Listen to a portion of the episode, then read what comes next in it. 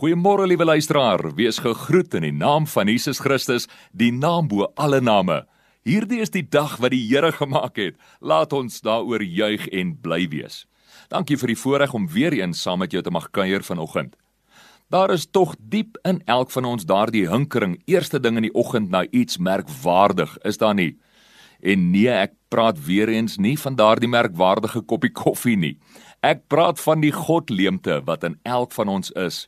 Ja, ons het elke diep natuurlike hinkering na iets van die lewe van God wat ons Skepper is en in ons elkeen geplaas is deur hom. 'n Honger en dors wat ons nie kan ontken nie, al wil ons hoe graag. Ons kan dit net nie ontsnap nie.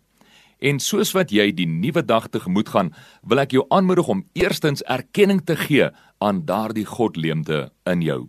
Die honger en dors in jou na hom wat jou geskaap het soos wat ek ook persoonlik ook moes besef so wat 23 jaar terug toe my hemelse Pa my teruggeroep het na sy skepingsdoel vir my lewe.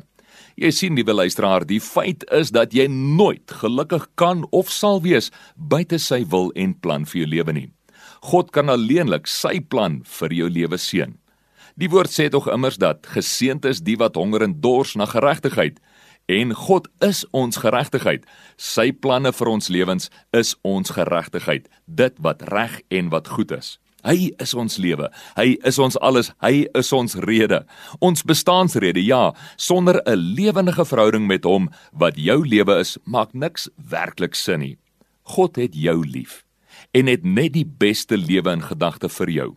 Jou lewe kan alleenlik in hom sin vind mag jy vandag erkenning gee aan die honger en dors in jou na hom en na hom toe kom vir sy lewe van oorvloed.